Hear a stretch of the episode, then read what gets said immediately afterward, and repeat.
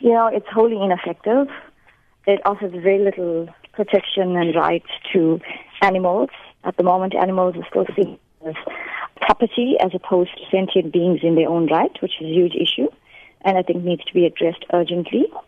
Uh, because currently, um, your your animal is as good as property. So, uh, inanimate sort of object like a like a car or you know a fence line. That's all the rights that animals have, which is property. So normally it depends on the, the, the owners of these animals to decide whether to prosecute abuses of animal rights. And, and, and well, normally they don't, uh, you know, and welfare organizations are inundated to the point where they are desperate to try and effect some change. It's just a vicious cycle. So we aim to break that cycle.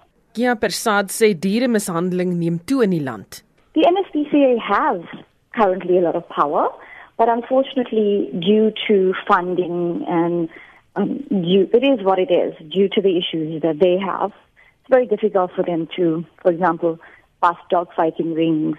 They don't necessarily have all the manpower that would be needed or the resources needed on the mammoth size that it would be needed to attack and alleviate and eliminate animal abuse. So therein lies our biggest problem in terms of how to deal with this uh, moving forward, which is why we want to change the act to allow for greater protection of animals. Sy sê hulle wil hê dat die strawwe vir dieremishandelaars net so swaar moet wees soos vir mense wat kinders mishandel. South African law has always gleaned its strength from international law like Germany, the US, etc.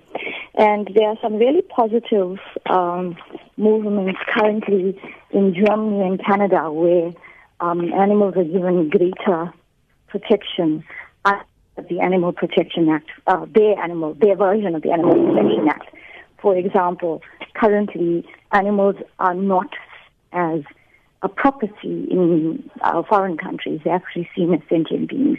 So they're given their own set of rights. So the aim would be to create a platform to allow for these animals, our um, country, to have recognition of animals as sentient beings which I think is very important.